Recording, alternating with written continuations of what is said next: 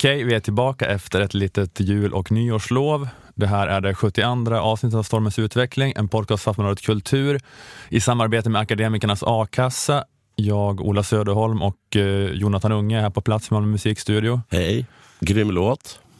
Ja, just det, precis. Vi har livespelat jingeln här nu, så att, eh, så att vi fick en härlig skjuts in Mm. i inspelningen. Vad ska du prata om i Jag ska å- eh, årets tala första? om eh, em, ord, globaliseringen av ord. Mm. Ja, det känns som en, Låter det? en lagom kryptisk påa. Mm. som, eh, ja, vi får höra mer om det sen då, vad, Mm. vad det nu betyder. Jag ska prata lite senare i det här avsnittet eh, lite mer om eh, biträdande statsepidemiolog Anders Wallenstens bok Ja, ja. som vi var inne på i något tidigare avsnitt här Det för var några ett veckor sedan. jättestort uppslag om honom i Svenska eller DN, kommer inte ihåg. Både och har det varit. När han var ute och sprang. Det var nog DN i så fall, Mm. tänker på då. Mm. Vi höll på att skoja om den boken innan den kom ut tidigare. Mm, Jag var, Att det var- väldigt att det var- glad över att du hade gjort den pratan innan jag läste den artikeln. Roliga kapitelrubriker. Mm. Ja, varför, varför var du det? För han var liksom så jävla snygg och vältränad och så kände jag bara, men han har skrivit en bok med superdumma kapitel.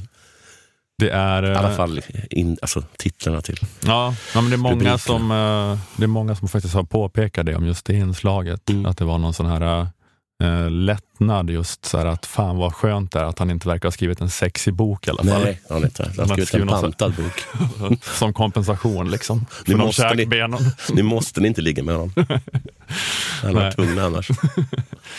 Men det här var ju då fördomarna utifrån eh, bara kapitelrubriken om hur boken var. Mm. Nu har ju boken kommit ut då, Mm. så nu är det lite mer facit. Men vi kan återkomma till det sen. Men först eh, om situationen. Vilken? Covid-situationen va? Den är inget bra va? Nej, och det som framförallt visat sig nu här under helgerna är ju att vi måste höja politikerlönerna Okej. så att de inte måste gå på rean. jag vill bara säga så här, jag förlåter dem. Jag är Ja, inte sur på någon av dem. Det är väl Inte ett lite, dugg upprörd. det är ju lite så att, Mm. eh, att det är lite allmänna känslan att folk kanske inte, ja vi återkommer till det, att folk Ja. kanske inte är så jävla upprörda. Nej, Men i alla fall, Det var svårt tror jag för, för kvällstidningen att hitta upprörda tror jag. nej precis, det är som att det var ju lätt att skriva de här artiklarna Mm. och man förstår man förstår hela grejen Ja, och det är sådär. fel, såklart. Och det, ja, visst, men eh, Jag har, Fast, jag har eh, en känsla av att, eh, att just de här, eh, när reporterna var ute och tittade på folk som var upprörda så var de tvungna att gå ut på Twitter och gå ut så här, känner ni någon som är upprörd? Be den kontakta mig. ja, eller som att alla tänker det här ser inte bra ut. Nej, Jag bryr mig inte. nej. Men, jag förstår om alla, Stina andra, gör det. alla andra gör det nog. Stina är säkert supersur. I alla fall, det, var, det, det, i alla fall att det har varit en så här följetong att alla i regeringen har varit ute och sprungit i affärerna då, Mm. i mellandagarna. Justitieminister Morgan Johansson var först ut genom att eh, shoppa i köpcentret eh, Nova i, i Lund Okej. på annandagen. Vad köpte han? Han köpte en försenad julklapp till sina föräldrar, Vad? en mindre vitvara. En blender? Eller ännu mindre? Jag, jag tänker vi kanske kan Så säga, här kötttermometer? Är Säg- det vitvara? säga en, eh, en mikrovågsugn kanske. En mikro? Det är Gud vilken sista minuten-grej. ja, för sent till och med. Ja. Sen avslöjades det att statsminister Stefan Löfven besökt Gallerian i Stockholm vid ett antal tillfällen under december. Ja, han köpte alltså efter jul? Eh, Morgan Johansson köpte efter jul. Stefan Löfven har liksom varit, det är så flera tillfällen under december då han har observerats. Men, vem var först nu och köpte? Alltså den första nyheten var Morgan Johansson. Okej, Morgan Johansson Mm. dyker upp på julafton, Nej, det var Hos på sina annan, föräldrar. annan dagen. Har glömt att köpa julklapp, ja, just det. Mm, mm. Får panik, har ångest hela juldagen, Ja. sen Anna springer dit och så köper han en liten vitvara. Som om det skulle kompensera för den fadäsen. Det, ja, just det. Det kanske är det dröjer till annan dagen att han är så här, eh, plågar hela Ja, juldagen. många och sen så blir det så här, nej men jag, jag, jag, jag går väl och, det finns ingen bra lösning på det här nu, men jag går ändå och köper den. precis. jag offrar hellre min karriär än att ta alla de här pikarna från min svägerska. Stefan Löfven besökte Gallerian ett antal tillfällen under december. Mm. Då, eh, för att laga sin klocka på stjärnurmakarna, Mm. skaffa reservdelar till sin rakapparat, Okej. handla mat, besöka Systembolaget och köp, köpa en julklapp till Ulla, hans fru. Men det jag tänkte på att bortsett från att det här då var politiskt dåligt Ja. på grund av att de då inte föregick med gott pandemiexempel så, så var det, det var ganska bra retoriskt tycker jag, själva inköpen. Att det var ganska hög sossefaktor. Ja, jättebra. Det här man sen lagar då, liksom. Ja, precis. precis. Det är sossigt att ha rakapparat, Mm. är det inte det? Jo. Och att inte raka sig med hyvel. Nej. Det är Ja, praktiskt och enkelt. Ja. Och det är, det är lite sämre om man är en Precis. fin smakare. Det blir men, men, riktigt, men man är ju en fåntratt då liksom. Det går snabbt på morgonen. Ja. Alltså hela Stefan Löfvens utstrålning är så himla. Mm. himla mycket rakapparat. Och här avslöjas det att det inte är en lögn. Rakabrotens slogan är, du ser okej ut. Det blir okej. Ja, Ja. Stefan Löfven eh, presenterar sig verkligen som Mr Rakapparat. Så jävla, jävla mycket rakapparat. Och Det var fint att, det var, att han eh, inte bara talk the talk utan också walk the walk. Det är ju det som avslöjas här. Jag vill bara säga att det är precis som den där skandalen som eh, vad heter den, franska presidenten Hollande råkade ut för. Ja, just det. När, när de liksom fick fast honom för att han åkte skoter till sin älskarinna. Just det. Det var liksom en skandal som bara var precis som det skulle vara. Nej, det är ingen så fransk premiärminister som blir folkkär förrän den har liksom Nej. avslöjats på en skoter på väg till sin älskarinna. Nej, precis. Så ja, det här är eh, lite samma då kanske. Också köpa reservdelar till sin rakapparat. Jag tror också att, så här, att han har köpt den här klockan på Europen och går med den i stjärnmakarna. Och de bara, alltså vi kan ju laga den. Men den kostar ju 300 kronor. det kommer att kosta 500 kronor att laga den. Ska du ändå laga den? Också tycker jag hög sossefaktor på att köpa en mikrovågsugn till sina föräldrar.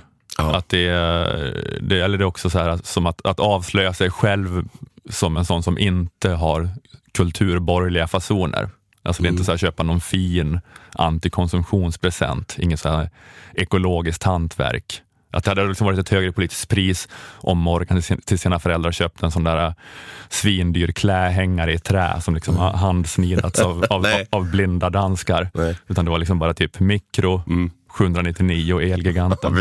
S- Sen har det då varit eh, vidare med de här då skandalerna, om man ska kalla det det. Så har det varit då finansminister Magdalena Andersson. Hon? Hon syntes i skiduthyrningen i Sälen. Hon åkte inte. Eh, Det har vi ingen bevis för. eh, men i alla fall, det allvarligaste då, det anses ju vara då eh, att Daniel Eliasson, Ja. Han bryr sig inte. Shit han inte bryr sig. nej, Fan vad cool han är. just don't give a fuck. Generaldirektör för Myndigheten för samhällsskydd och beredskap. Han, han var då på semesterresa till Las Palmas nu över jul och nyår. Påstod hon att det var en affärsresa? Nej, han Nej. sa att han skulle träffa sin dotter. Nej, hon var där. Hon var där. Jag tror, eller jag tror han sa att hon jobbade där. Mhm. Ja, men den, eh, det kanske han blir sparkad för, eller? Att det kanske, eller att han blir kanske till och med inte sparkad till att bli generaldirektör för en annan myndighet den här gången. Att han blir så sparkad ända till landshövding. Är Eventuellt. det här samma man med eh, Thailand-banden?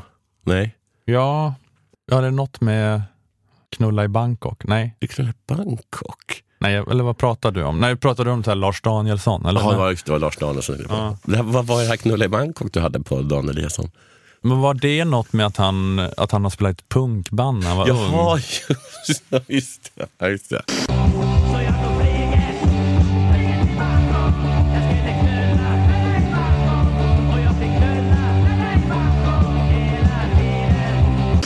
Ja, men att det var då en annan nivå än det här smita in i en affär. Mm. Det blev så pinsamt på internationell nivå. Det blev en New York Times-artikel och så. Ja, men han, han är väl i princip chef för krisberedskapen. Och han skickade ett sms till alla medborgare om att de ska stanna hemma och sen Mm. åkte han då till Las Palmas.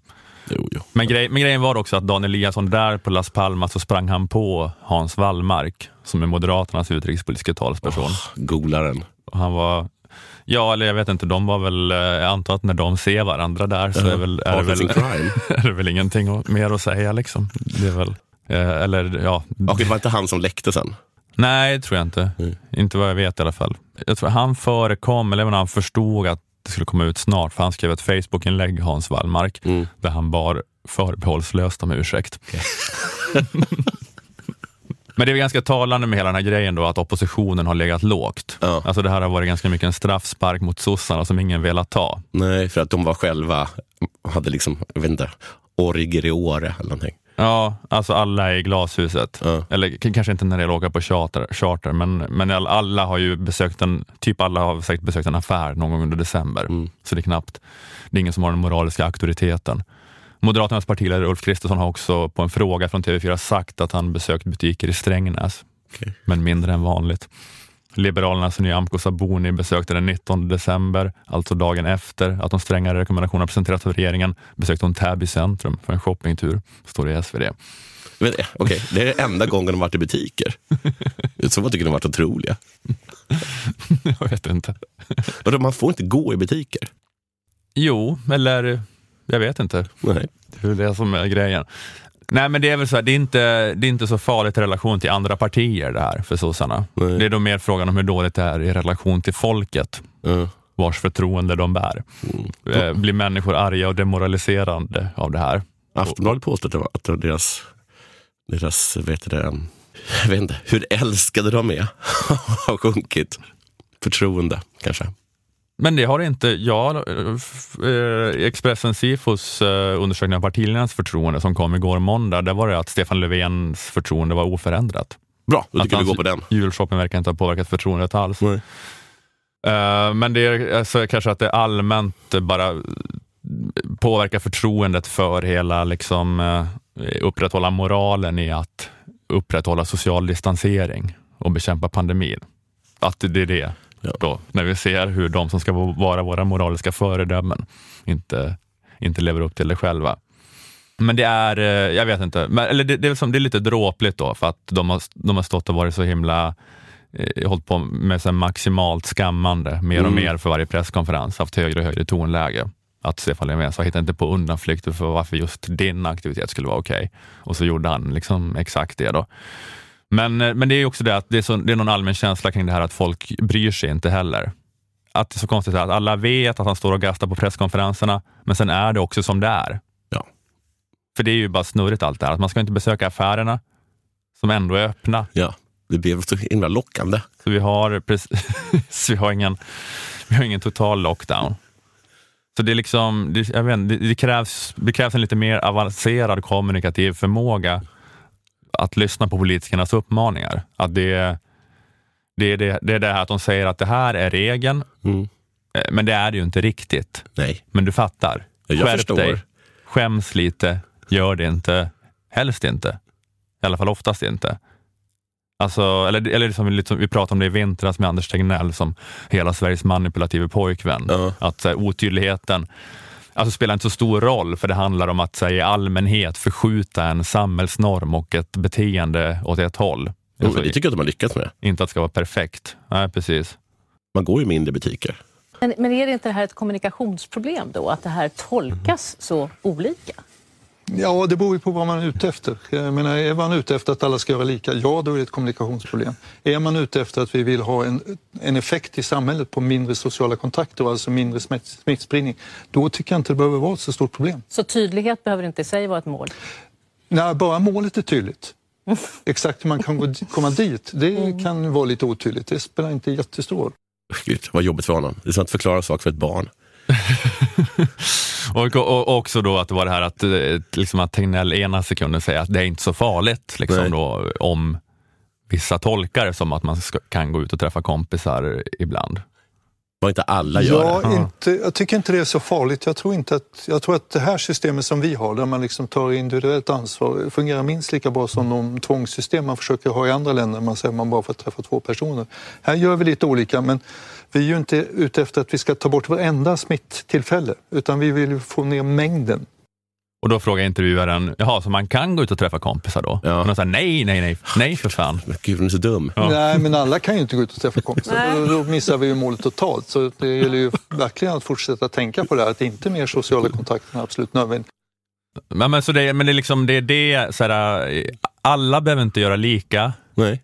Fast alla, alla behöver ju göra, Jo, jag göra fattar. det. Jag, alltså, Men ja. Du behöver inte förklara för mig. Nej, men inte förklara för mig, men det är som Jag att fattar exakt. journalister fattar inte det här. Journalister är så jävla bantade. Det liksom- Man måste liksom skriva dem på näsan. De kan, de kan aldrig tolka någonting.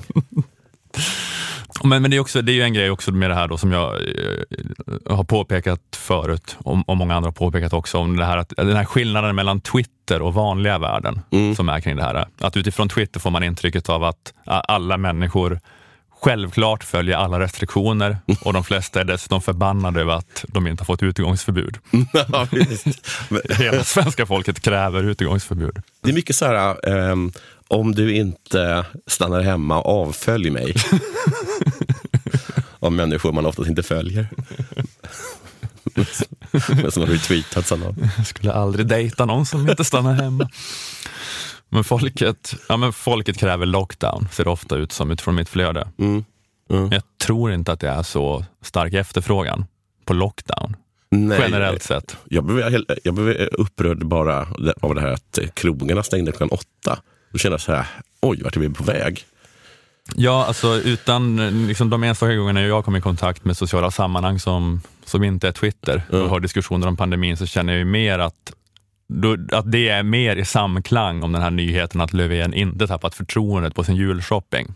Att då är folk mer så att, herregud, klart Ulla ska ha ett paket.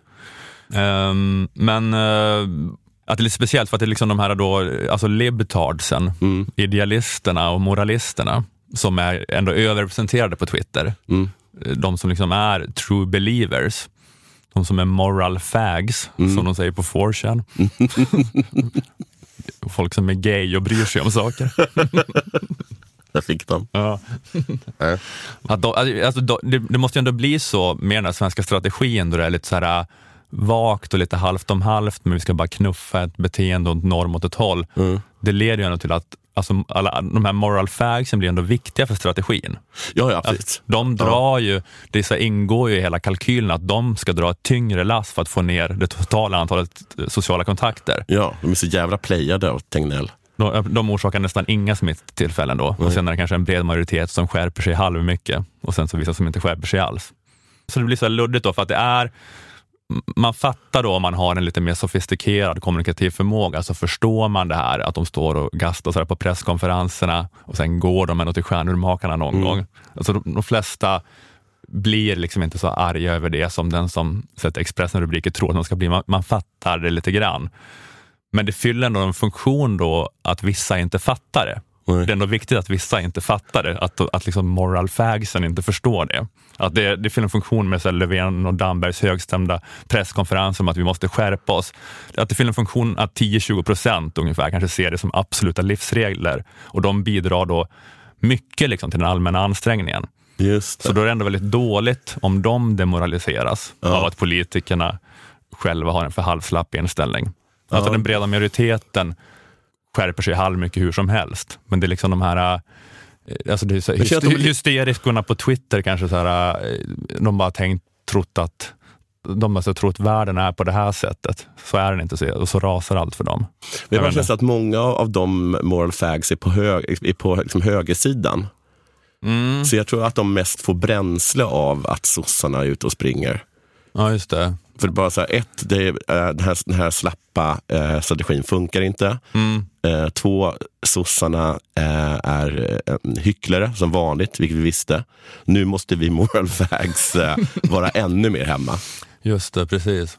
Ja, det är det som är speciellt, det är det som är hela grejen med coronagrejen, att det blivit en, i Sverige blev det så att det är en moral fag-grej att vara Alltså att vara moral fag på så vis att man är för drakonisk eller för jättestränga coronaregler en högergrej. Ja, då. och så i resten av världen är det tvärtom. Ja, det skulle kunna vara det då, att de är ändå, de flesta som är så här väldigt stränga kring eh, corona i Sverige ser kanske ändå inte sossarna som förebilder. Nej. Men att det är något med det här liksom, att hela svenska liksom, covid-strategin, att, eller det är, lite, det är ungefär lite grann som så här då, att inte betala tv-licensen eller fuska lite med skatten. Ja. Att, så här, att politiker kan absolut inte göra det. Fast vi vet att jättemånga människor i allmänhet gör det.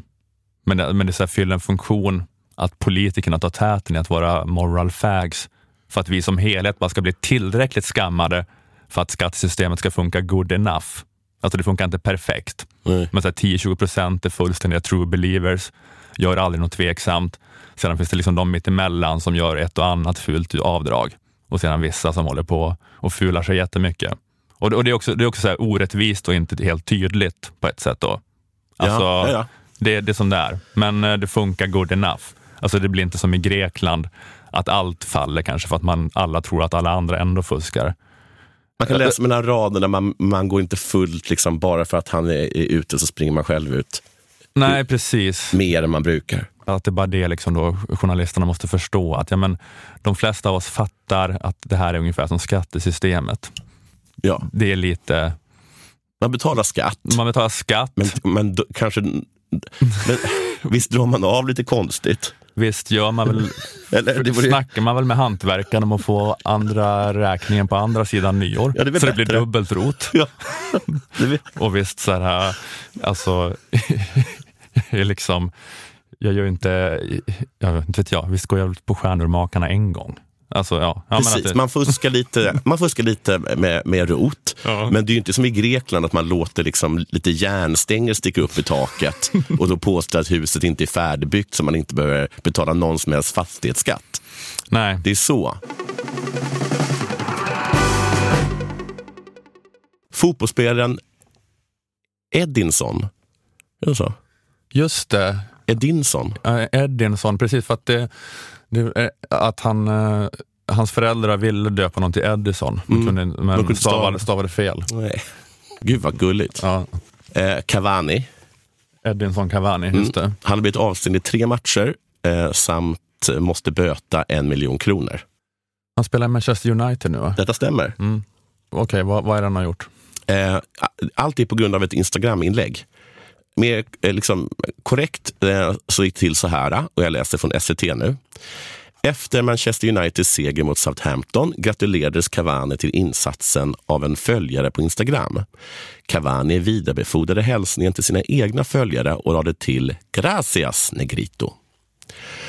Och det här fick då FA, eh, som är liksom spelarorganisationen då i England, att bestraffa Cavani på grund av att han då hade använt sig av ett rasistiskt uttryck.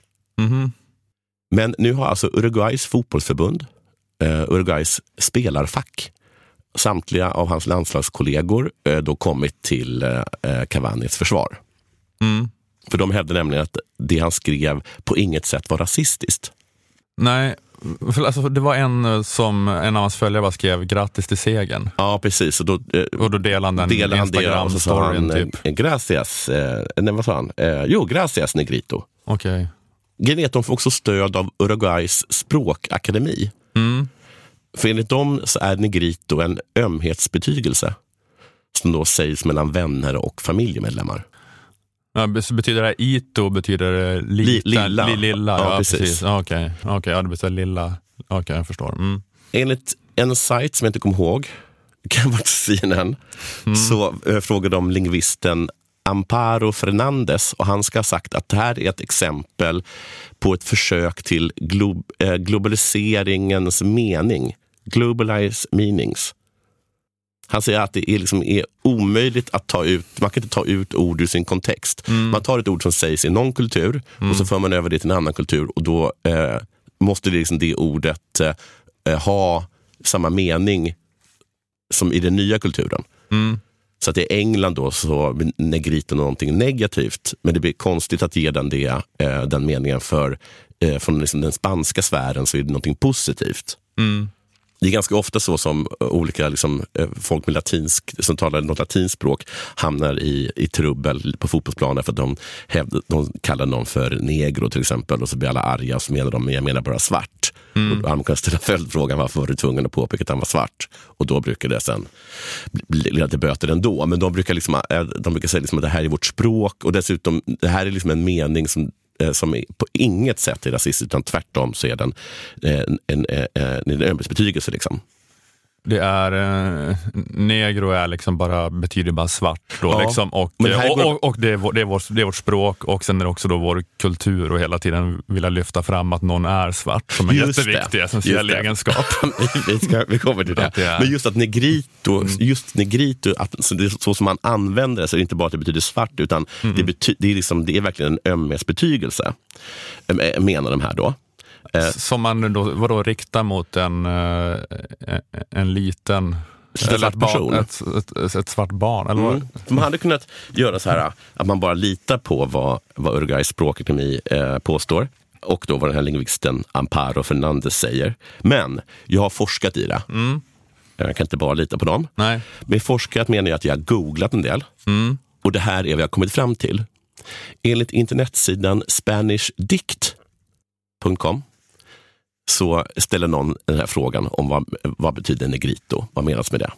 Och då svarar Gekosan, Gekåsan. ja, det, det, är en pers- det är en person som, som har det namnet på Ja. internet. Han har liksom givit ett svar på den frågan. Och jag översätter typ rent av. Eh, så här säger Gekosan. Det betyder liten svart person. I spanskan är det vanligt och anses inte oförskämt att kalla någon efter dennas fysiska attribut. Om man ser en blond kan man säga Hola Guero. En som är tjock kan man kalla mi gordo eller gordito, alltså tjockis. En med asiatiskt utseende kan refereras till som chinito och den med mörk hy kan kallas negro eller neg- negrito. Eh, sen fortsätter Gekosan. Att det skulle betyda mina vänner, alltså att eh, gränsen liksom, eh, tack mina vänner, att det skulle betyda det är struntprat. Var, att gracias mina... Äh, grazie, Gracias negrito, att det, skulle vara, att det betyder tack, tack mina vänner, att det skulle betyda det. Ja. Det säger ja. är struntprat. Va, vänta, var det det, förlåt, var det det Cavani sa att han Ja. menade? Jaha, okej. Mhm. Och det som då eh, den här lingvisten och hela Uruguay påstår. påstår. Mm. Han säger till struntprat, Gekosan. De, jag- påstod, påstod alla de, hela Uruguay, lingvisten och Cavani att eh, gracias negrito betyder tack mina vänner? Ja, Okej, det var inte... För jag, jag tror att försvaret gick ut på att säga det är, det är positivt att kalla någon negrito. Men, Ja. men det är också, Ja, negrito mina- betyder mina vänner. Ja. Okej. så det är någonting positivt. Vänner är väl positivt? Är det inte det? Ja, jo, jo. Ja. Men, Men eh, Gekosan säger att, att det skulle betyda det, att, att, att, man, att man rakt kan översätta det så. Det är struntprat. Mm. Då blir man lite förvånad, för då går han ju emot alla här. Ja. Spännande va? Mm. Sen fortsätter Gekosan. Ur kontext kan det till och med vara farligt. Mhm. Om en man säger till en kompis på en bar, kanske gracias negrito, Mm. för han kanske har fått en öl. Ja. Då hade han nog fått en knytnäve i ansiktet för att han offentligt uppfört sig som en bög. Okej. Mm. Och om en tjej kallade en manlig bekant för det hade han nog trott att hon ville ligga med honom. Jag, alltså Gekosan, tror att det är något en älskare säger till sin mörkhyade älskarinna. Eller en mor till sitt mörkhyade barn. Mm. Jätteknäppt att säga till någon som inte är mörkhyad. Det här är typ rakt av och det här är alltså vad Gekosan säger. Mm. Då har vi fått en, då har vi fått en, en liten annan eh, definition. Eller hur? Mm.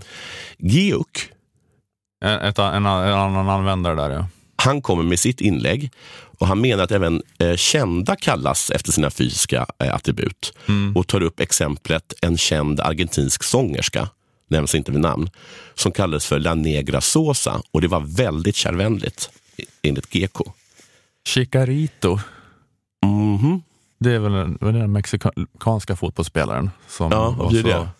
Jag vet, betyder bara att han var liten kanske. Jag vet inte riktigt. Nej, men han, hette, han hette väl något annat, men han kallades Chicarito. Han Ja. spelade också i Manchester United. Just det, han var mexikan. Ja, precis.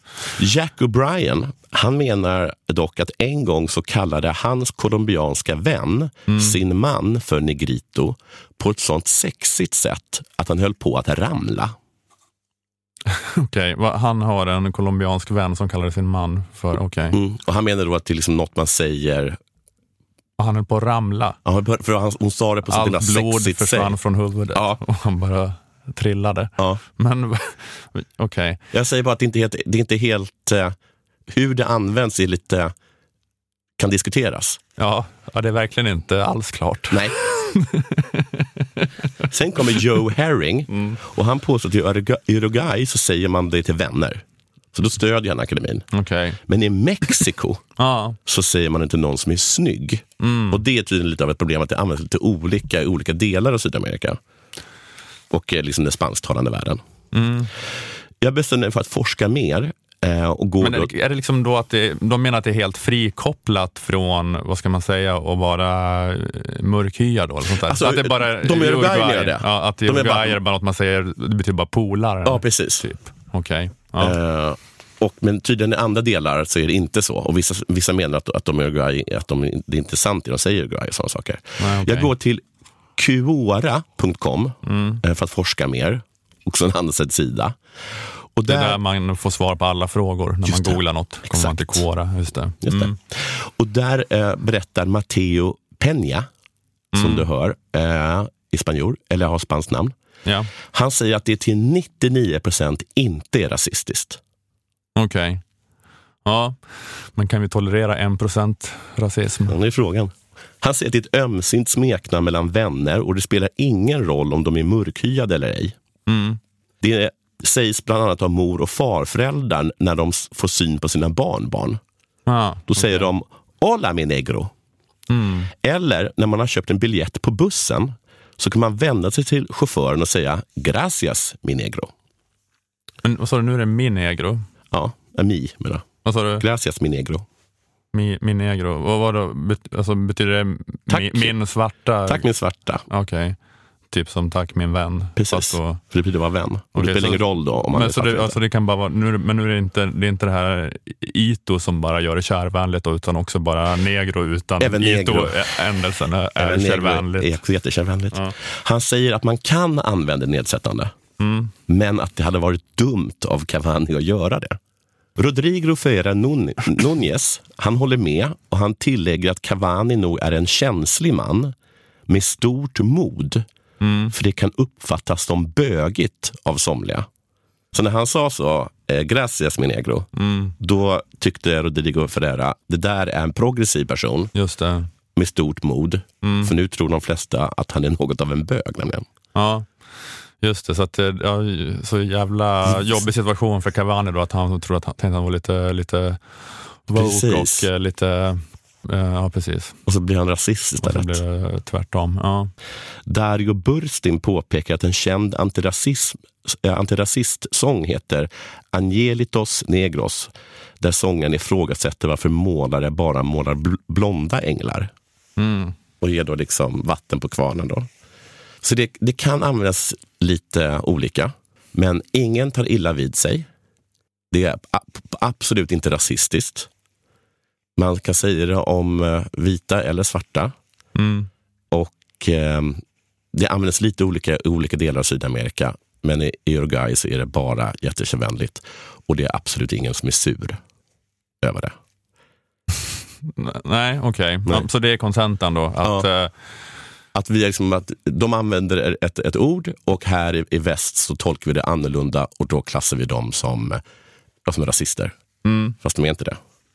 så att eh, alltså efterfors för, efterforskningarna landade i att det Ja, Uruguayanska fotbollsförbundet och Cavani, Cavani sa från början stämde då. Jag säger så här, för att efter det så berättar den här då, lingvisten Fernandes att han håller med om att eh, det finns afro-uruguayanska liksom, eh, grupper som eh, har liksom uttryckt eh, en känsla av eh, illamod Mhm, över det här ordet eh, och hur det används. Mm. Och att de uppfattar det som diskriminerande. Alltså ordet, att använda ordet negrito eller använda, eller använda eller liksom hela kontexten hålla på att använda det som någon sån slags eh, ord för min vän. Eller? Ja, för hela grejen är ju att alltså, de menar att ingen tar illa vid sig Mm. av det. Förutom då möjligtvis de Uruguay- svarta i ja, Uruguay. Ja, precis. Mm. Ja, just. Ja, det komplicerar ju det hela kanske. Då, Det komplicerar det hela en aning. Mm. Och summa summarum av det här, alltså, det är inte helt lätt att sammanfatta, men visst får man en känsla av att de är ganska osköna. Av det här man har läst. De, eh, vadå, vet latinamerikanerna. latinamerikanerna? Att de kallar folk för tjockisar och sådana saker. Ja, Och Ja. släng, slänger, slänger sig liksom med, eh, med eh, rasistiska ord som de påstår inte är rasistiska, men som nog är det lite. Mm. Ja, men det där har man ju väl hört förut, just, just, Ja. just det där med tillmälena för, efter folks utseenden hela tiden. Sådär, att, eh, ja, jobbet, Hela Sydamerika är lite okej boomer. Ja, men det är lite jobbigt det där. eh, Alltså dels, ja, men kanske då framförallt då för sådana då som eh, afro-uruguayaner då, att, att det uppfattas som kränkande. Men, men också överhuvudtaget, som, som du säger, hela den där stilen. Ja. Att hålla på så här, att de så ska ropa så till mig direkt jag kommer till Sydamerika. Hallå långskånk, Ja, liksom, fast på spanska. Så det är så här, ja. Ja, vad man så, Du, Var det kärvänligt? Ja, det var, det var kärvänligt. Ja. Ja, jag inte vet jag, det var inte jättejobbigt att du sa så, men det är också Nej, lite säger- störig stil så att du ska hålla på. Men de bara, vi, vi har en större stil. Ja, vi är lite så här, jag är lite så här bufflig liksom. Det är sådana vi är. Ja. Hallå lyktstolpen. Ja, okej. Det, Men det är lite som att FA har sagt sådär. jag blir inte, det var- jag blir inte jätteledsen, men det, jag tycker bara att det, det är lite småtoxic Ja. att du håller på med sådana smeknamn hela tiden. Det var lite rövigt sagt Cavani. Och sen så kommer hela Uruguay och säger, men vi är lite röviga. det är sådana vi är. Ja. Vi är lite röviga hela tiden. Vi är lite såna här... Ska ja, de vi, vi, eller har, vi vi, har, vi, har, vi har sån här jargong då man, då, då man så tvingar alla att gå med på ens buffliga stil. Ja. Annars är man en torrboll. Man så, så är jag. Liksom. Man fram- Jag är påtvingad. Jag, jag tvingar min omgivning att tycka att jag är skön mot deras vilja. Då ska jag inte hälsa genom att ta tag i hans valkar. Och vi är väldigt glada att ha med oss Akademikernas a-kassa som sponsor. De ökade med 65 000 medlemmar under 2020. Oh, jävlar, Superåret 2020. Eh, toppenår för dem. toppen eh, år. Eh, nej, men den här ökningen hänger väl samman då med att behovet av att vara med i a-kassa har blivit eh, än mer uppenbart i vad som i folkmun brukar kallas dessa tider. Just det. Så eh, se till att bli en av dem. Totalt är det nu 750 000 akademiker som är medlemmar i Akademikernas a-kassa och i och med det då får ett snäppet eh, lugnare, tryggare och mer solidariskt coronageddon. Främsta anledningen att gå med är såklart att du försäkrar din inkomst om du skulle bli av med jobbet.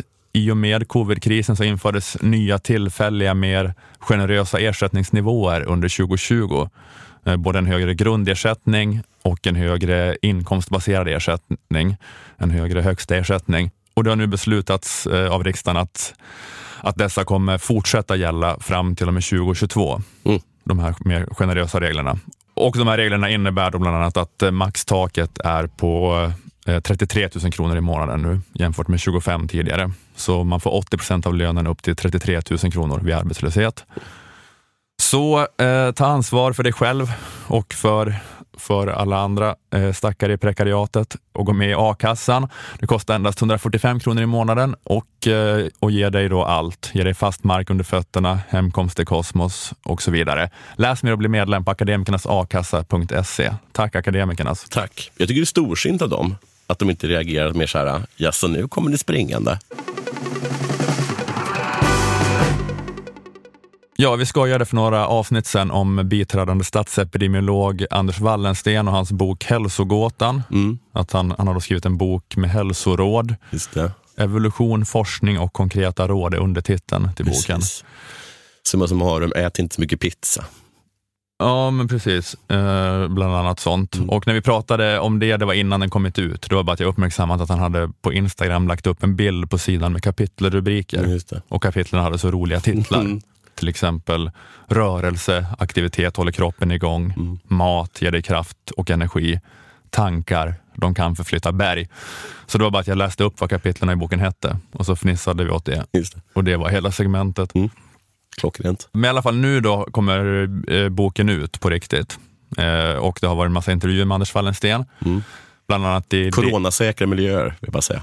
Ja, precis. Det var en idé ändå de var ute i något eh, friluftsområde ute i Täby. Mm. Eh, då eh, han stod i träningskläder. Det var, eller var liksom intervjun, till intervjun var en, en video där Anders Wallensten springer i skogen. Mm, för att jag kommer ihåg att, man hade så här, att fotografen och, och reporten, eller vad de, vad de kallas, var, var helt perplexa över att han inte sprang på vägen. Nej, precis. Med springa i skogen som Ja. menas i skogen. Ja, Alltså inte ur på ett skogen. elljusspår eller Nej, nej, på, ens nej. på en stig, utan rakt liksom sprang rakt ut i riset. Ja. Så här, hoppa över stenar och ducka för trädgrenar. Ja. Så.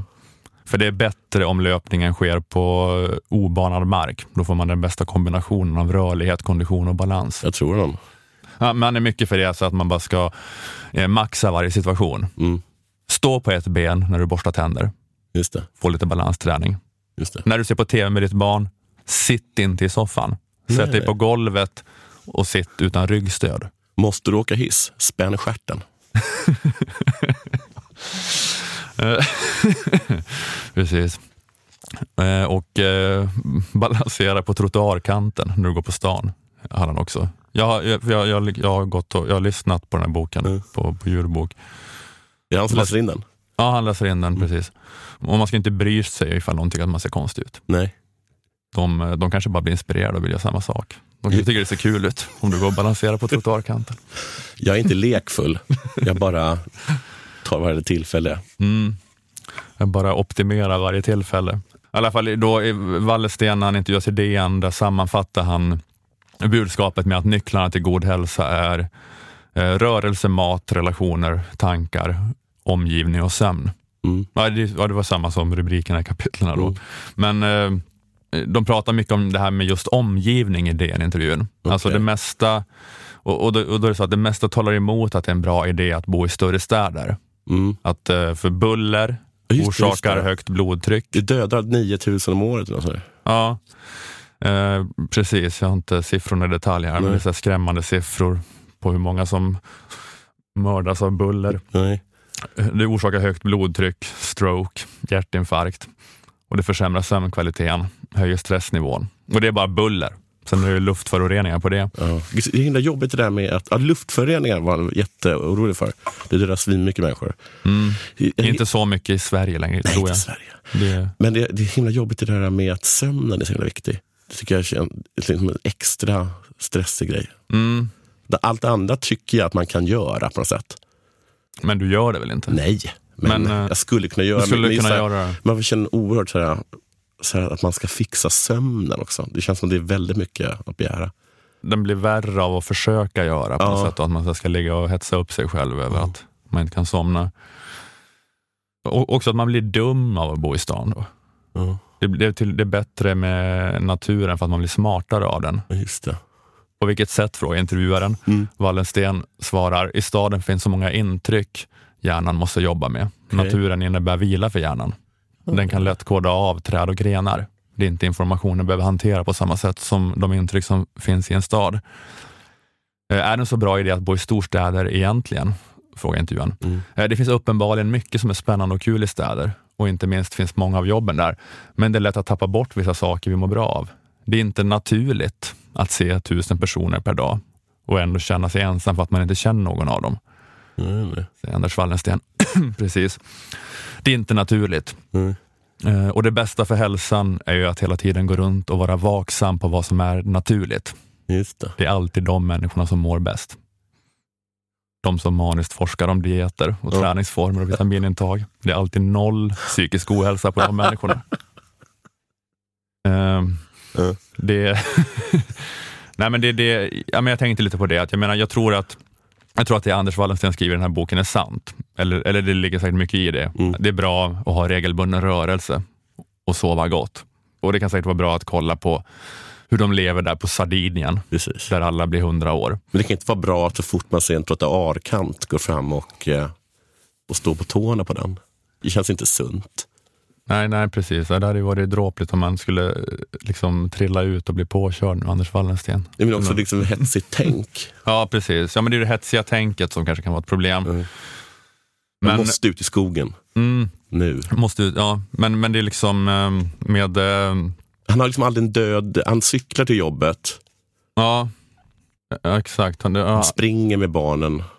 Han hade sin dag här. Gå upp 06.45, Ja. får iväg barnen, cyklar 15 kilometer till jobbet, står och går gärna på möten, Mm. lunchar med kollegorna i den trevliga lunchmatsalen. Mm. Det är viktigt att ha en social tid när man pratar om något annat än bara jobb. Det är också hälsa. Han, säger, han säger också det när han sätter sig ner. Ja, precis.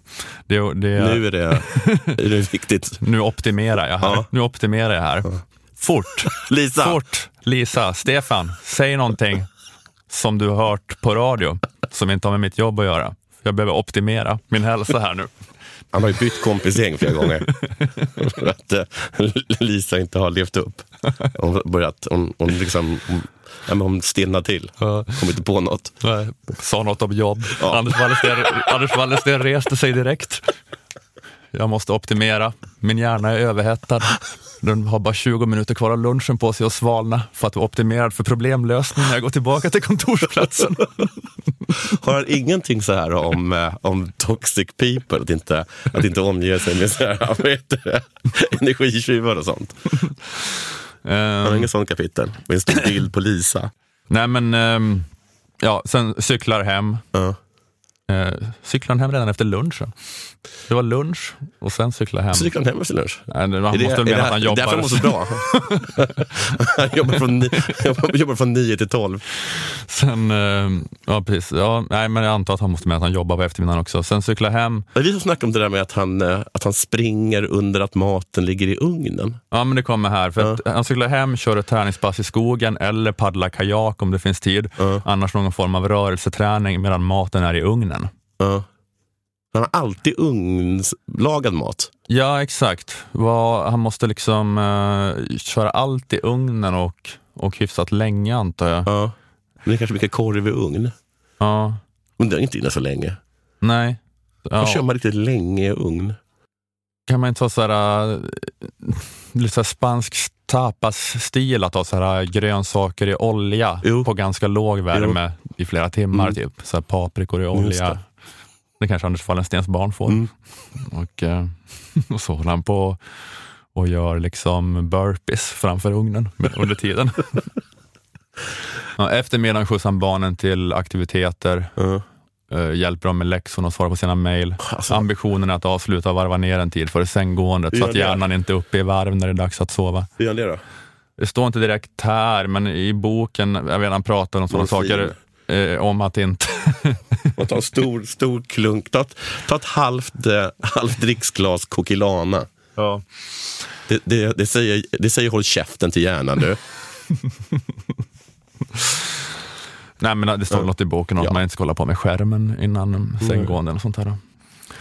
Nej, men, jag menar att det, det, alltså det, det är säkert bra, som sagt, det är säkert bra med regelbunden rörelse och så var gott och, och det de håller på med på Sardinien då, där alla blir hundra år. Mm. De har mycket rörelse i vardagen, de äter massa baljväxter Mm. och de har fin social samvaro och lite stress. Mm. Det, det är säkert jättebra allting. Och, och eh, också i den här boken, ja, det är också mycket så här, jägarna och samlarna. Mm. Vad är grejen med dem? De hade inte, Ja, de hade, de de hade inte välfärdssjukdomar. De- Ja, just det. Precis, de jobbar inte så mycket. De jobbar, lika, de jobbar ungefär lika länge som han gör, alltså mellan 9 och 12. Sen är man liksom klar. Ja, ja, precis. Och sen sitter de liksom bara och jag vet inte, bara ligger i en hög och plockar löss från varandra och har det mysigt. Ja. Så så ska man leva då. Det är säkert bra på många sätt, men att det också då finns den här faran med den här liksom jakten, alltså på det helt balanserade naturtillståndet. Mm. Alltså för att det, ja men för det finns ju inte riktigt då. Alltså folk Nej. har levt på alla möjliga sätt i alla möjliga miljöer. Alltså faran är att för mycket går runt att älta. Eh, hur lever man naturligt i en onaturlig värld, Mm. som han uttrycker det. Att det. Att det är det viktigaste rådet till en sån som Wallensten, att han, han riskerar inte att glömma att tänka på rörelse och mat och sånt. Exakt. Men han riskerar att bli galen av sin stegräknare och pulsklocka och Ja. att han måste ha en så hel dosett av vitaminer som man liksom måste ta. Någon Innan borde han skriva en bok åt honom. Ja, precis. Att försöka äta lunch utan att se på dina kollegor som att de ska optimera Ja, din avslappning. Nej, men eh, han är ju, han skriver ju om det, eller han är så lite självmedveten, eh, att han är en sån som hela tiden vill maxa, optimera, Mm. inkorporera alla nya rön om vad som är optimalt för mänskliga naturen. Det ska han inkorporera i sin livsstil. Mm. Men, då, men jag menar att man, man, man kanske måste lägga till en sjunde nyckel till hälsogåtan. Att han har de här sex nycklarna då, men den sjunde nyckeln till hälsogåtan efter rörelse, mat, relationer, tankar, omgivning och sömn är det går inte att lösa hälsogåtan. Nej. Det är den sjunde. Eh, för jag- läste, ja men det är kanske en bok som eh, sociologen Roland Paulsen har kanske skrivit den här boken åt Anders Wallensten. För Roland Paulsen skrev en bok som heter Tänk om, som kom i somras, eh, som, som jag pratade om i något tidigare avsnitt i höstas också. Men den boken Tänk om har eh, undertiteln En studie i oro Och det är liksom då som en sociologisk studie och analys av, av oro. Varför ältar vi så mycket? Varför är vi så upptagna av risker i samtiden? Varför är psykisk ohälsa en sån grej i vårt samhälle idag? Eh, Och ett av partierna i boken handlar om den kände sociologen Max Weber. Jag känner till honom. Ja, Max Weber han levde och verkade för typ eh, 100-150 år sedan. Och ett av Webers bidrag var att han lanserade samtidsdiagnosen avförtrollning. Att av, avförtrollning är något som kännetecknar upplevelsen av att vara människa i, i moderna samhället. Vi har ingen magi längre. Är det det? Nej. Det är inte riktigt det, för att det, eller det, det menar Roland Paulsen på här då. Han menar på just att det är det så lite vanliga missförståndet om avförtrollning betyder att Gud finns inte så, och det finns ingen magi, så därför är det avförtrollat. Men, men Roland menar på att egentligen så är kärnan i avförtrollningen, det handlar om övertygelsen att världen är kalkylerbar. Att man tror att allt kan kontrolleras genom kalkyl. Mm. Alltså det är en så mekanistisk världssyn, att orsak och verkan styr allting och, och ändå en övertygelse om att vi har den här kontrollen. Att den kontrollen är inom räckhåll. Det är liksom då centralt för vår oro. Ja. Att det ska liksom inte finnas några mystiska oförutsägbara krafter i rörelse, utan allt ska i princip gå att kontrollera genom kalkyl. Och Det leder då till oro, psykiska problem och hjärnspöken som yttrar sig i så här maniskt kontrollbehov framåt inför det som kan bli och ältande bakåt och det som hade kunnat vara. Just det. Och också då, vad heter det, mm, skam då. Om man då, om man då liksom inte mår bra, då har misslyckats. Ja, det är ditt fel För att det- du inte har precis. ansträngt dig tillräckligt mycket Ja. med så självhjälp och Ja. självförbättring. Eh, och, och grejen med Max Weber var liksom själv en väldigt ångestfylld och neurotisk person. Mm. Eh, han, liksom, han hade bland annat problemet att han under sina 27 år med sin fru Marianne inte en enda gång lyckades uppbringa en erektion. Nej. För att, som det heter, Vänta, fullborda snack- äktenskapet. Har, vi, har du snackat om honom i, i uh, februarpodden? Nej, jag har inte det. Jag Nej. har inte det. Nej. Men eh, det hade ju varit ett ämne, Mm. biografin om honom. Han är ärlig. Det finns ju så mycket då eh, information om hans impotensproblem då, för att han var så metodisk och besatt av att så här, forska om det så att säga. Då, liksom. Och- provat så här vakuumpump? Jag vet inte. Nej.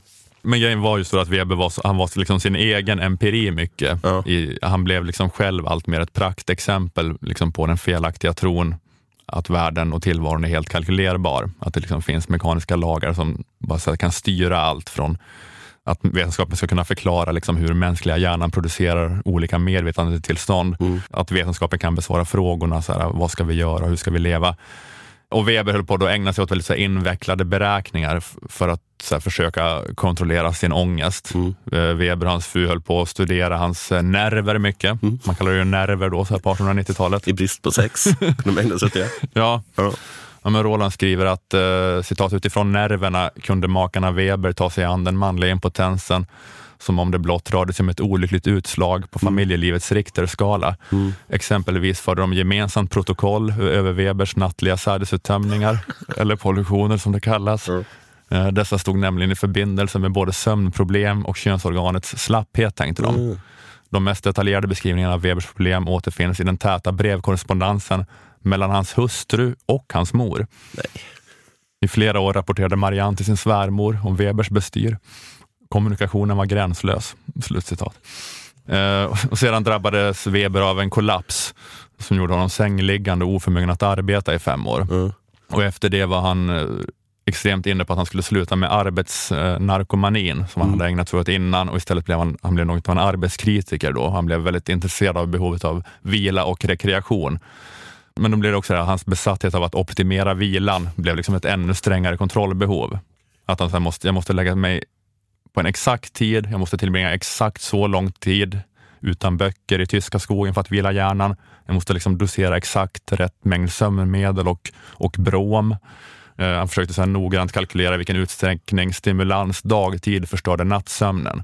Att han hade sådana tabeller. En skogspromenad med vänner kostade honom tre, tre fjärdedels natt i nattsömn. Mm. Så de störde så mycket? Ja, det blev bara för mycket liksom, så kunde man inte varva ner. Det var, inte, det var, det var inte frågan om tusen personer, men tre personer var för mycket för, för Max. Att utbringa en skål på hans systers bröllop skulle ha kostat honom hela tre nätter. Oj! Och det var skälet till att han avstod då. Han rapporterade... Han inte hade fått sova på tre nätter. för att nerverna hade blivit så rådiga. Ehm, Han rapporterade upprymt till sin fru om någon besökte honom i Rom, dit han under en längre tid tog sin tillflykt från den tyska vintern, Mm. men beklagade sig också över räkningen som alltid infinner sig till natten. Ehm, Att Han hade jättebra där, men det gav så mycket intryck så han kunde inte sova. Vadå? Ja, han- bara liksom var helt så fast i att försöka vara on top of det och bara så beräkna. Mm.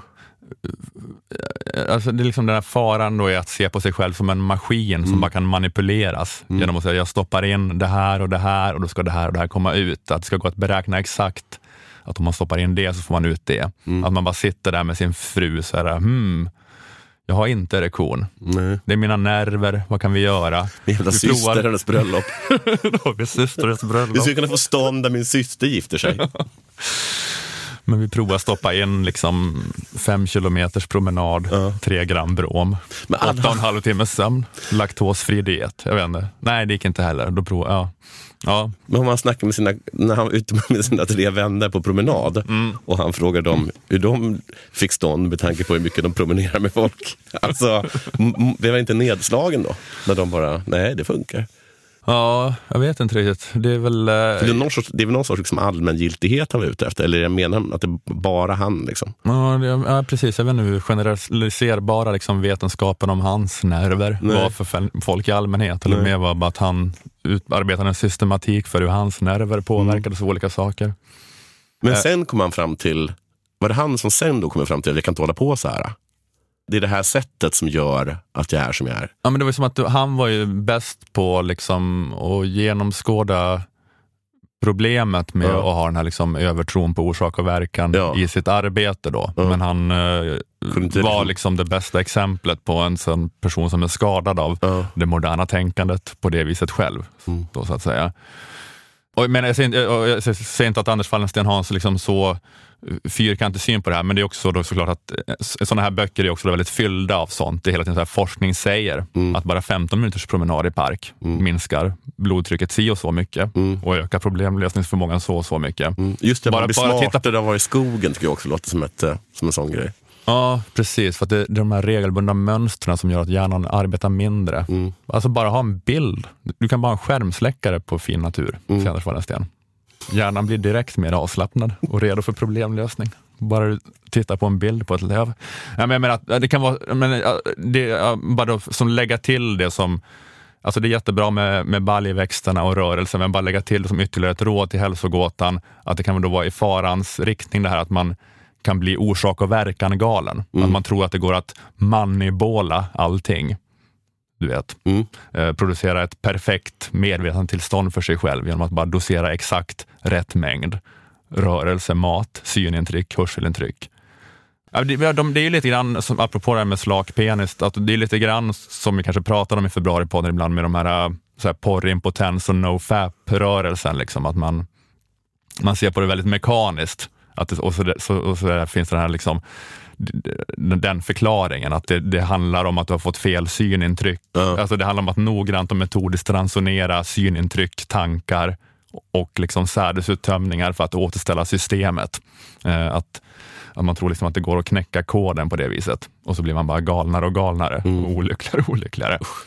Ehm, Fick, hur fick han stånd till slut? Weber, nej. Nej. det tror jag inte han fick. Nej men det är väl bara då eh, att Wallen- Wallensten säger liksom så här, hur kan vi hur kan vi resa till månen men fortfarande inte veta hur man ska leva optimalt för att bevara hälsan och sinnet? Ja. Och det, och det är inte så konstigt Nej. då, för att det är mycket mer komplext med hälsa och välmående. Hur kan vi bygga Ja, det- det- broar över Östersund men inte vara totalt lyckliga? Ja, det, är mer, ja, men det är mer kalkylerbart med en bro eller ett rymdskepp. Då. En, eh, ja. så, men, så det är bara det då, förutom att det är viktigt att kalkylera och manibola vad som är bra hälsa, är det också viktigt att komma ihåg att det går inte att göra det Nej. också. Det, båda sakerna är viktiga. Liksom. Är han Men det är läkare? bra. Ja, han är läkare, precis. Kan han skriva ut saker då? Ja, det måste han kunna. Ja, Då vill jag tipsa honom om så här fentanylplåster. ah, okej. Alltså, um, fentanyl är den här dödsdrogen. Mm. Tusen gånger starkare än heroin. Ja, Men det finns som eh, plåster på apoteket? ja eller? man sätter det liksom som på sig så får man Är det liksom för, att, för, att, för missbrukare att de ska liksom tända av? Jag tror att det är för gamla människor med ångest och eh, smärta. Mm. Ja, men det, det hade kanske varit en roligare, eller det hade varit en, kanske hade varit en bättre liksom, eh, sjunde nyckel. Det. Rörelse, mat, relation, tankar, omgivningssömn, fentanylplåster. Ja. Men, eh, ja, ja. ja men jag var väl klar där. Ja. Eller har du något att tillägga? Nej, men jag, säger, jag, jag tror det är exakt som du säger. Jag tror det är en jättebra bok. Mm. En aningen självklar. Och, ehm, men det är inte boken för Anders. Nej, Nej. Exakt. Vi kanske kan ha nytta av att läsa boken. Ja. Men Anders, du har gått och tänkt på det här så länge så att Mm. du behöver kanske då läsa, ja, men kanske till exempel Rolands bok eller något då. Ja. Så, så att du inte riskerar att och, äh, bli äh, orsak och verkan och kalkyleringsbesatt. Vi säger tack till Aftonbladet Kultur och tack till Akademikernas A-kassa. Stormens utveckling är tillbaka om en vecka. Hej då! Hej!